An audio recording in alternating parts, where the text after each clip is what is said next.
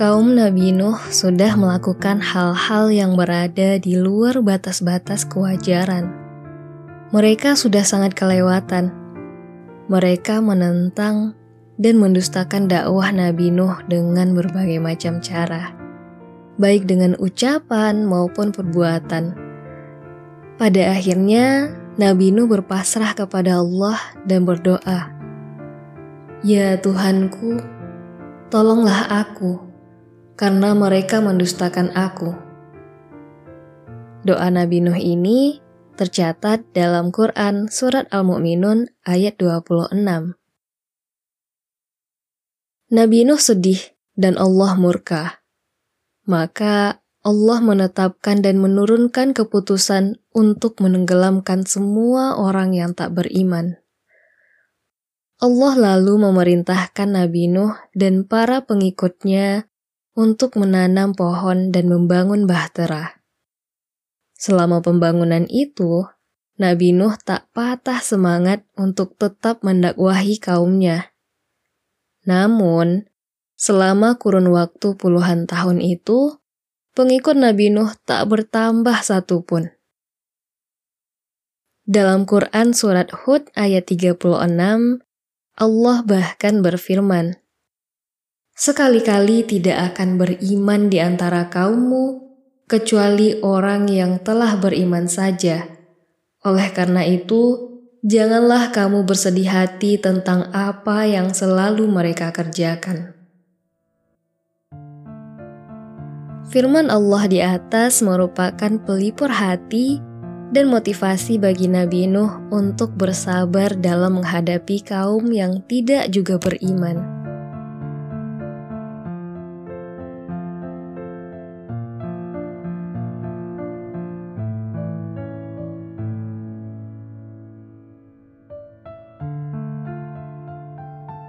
Setelah pembuatan kapal selesai, setelah menunggu dengan sabar, hari yang dijanjikan itu datang. Air keluar dari berbagai penjuru.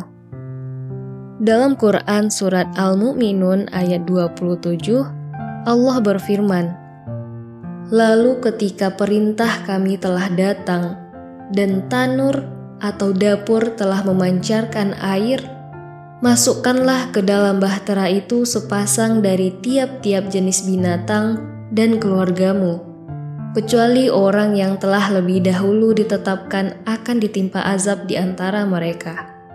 Janganlah kamu bicarakan dengan aku tentang orang-orang yang zalim, karena sesungguhnya mereka itu akan ditenggelamkan.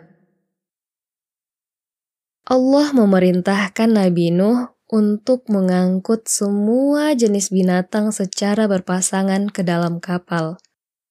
Beliau juga diperintah untuk mengangkut semua jenis tumbuh-tumbuhan, pepohonan, dan semua makhluk hidup lainnya. Hal tersebut dilakukan agar kelangsungan hidup mereka tetap lestari dan terjaga. Teman-teman, Walaupun telah ada perintah untuk meninggalkan keluarganya yang tak beriman, namun ketika itu Nabi Nuh masih tetap berusaha untuk membujuk salah satu anaknya agar mau masuk ke dalam kapal. Anak beliau bernama Kanan. Kanan pada akhirnya menolak permintaan ayahnya. Nabi Nuh amat sangat sedih melihat anaknya sendiri tenggelam.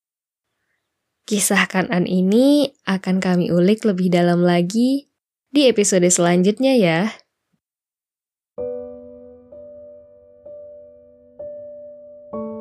Secara tegas, Allah memerintahkan Nabi Nuh untuk mengikhlaskan azab yang tidak dapat dibatalkan lagi. Keputusan Allah untuk mendatangkan azab telah mutlak dan tidak dapat diubah lagi.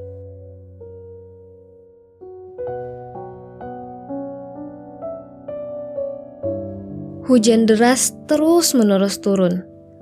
Sebelumnya tak ada hujan sederas itu. Air tiba-tiba bermunculan dari segala penjuru.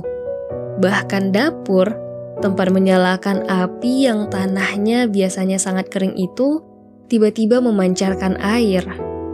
Semua orang berlarian panik. mereka berlari dan mencari bukit tertinggi untuk didaki. Semua yang ditakdirkan selamat memasuki kapal dengan tenang. Setelah kapal siap berlayar, Allah berfirman, "Apabila kamu dan orang-orang yang bersamamu telah berada di atas bahtera itu, ucapkanlah segala puji bagi Allah." yang telah menyelamatkan kami dari orang-orang yang zalim.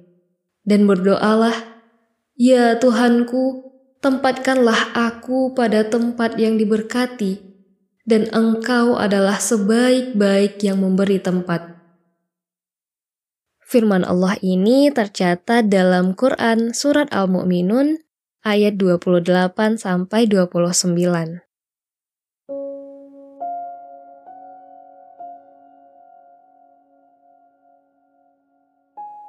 Tak ada daratan yang tak tertutup air.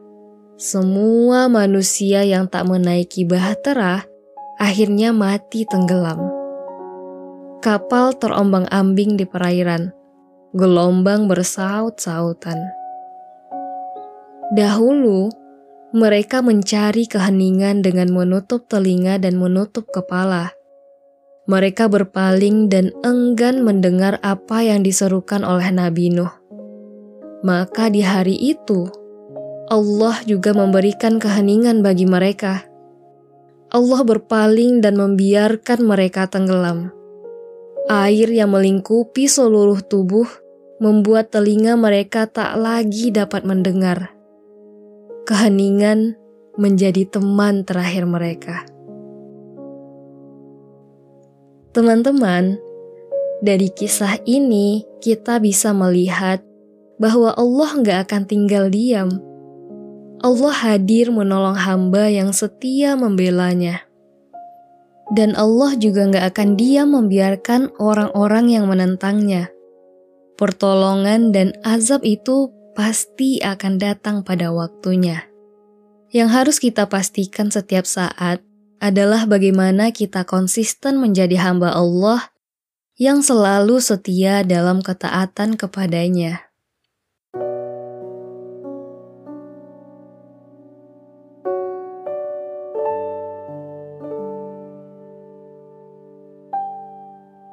Cerita episode ke-55 ini kita akhiri sampai di sini ya. Saya Mahdiah, pamit undur diri dan terima kasih telah mendengarkan podcast cerita sejarah Islam.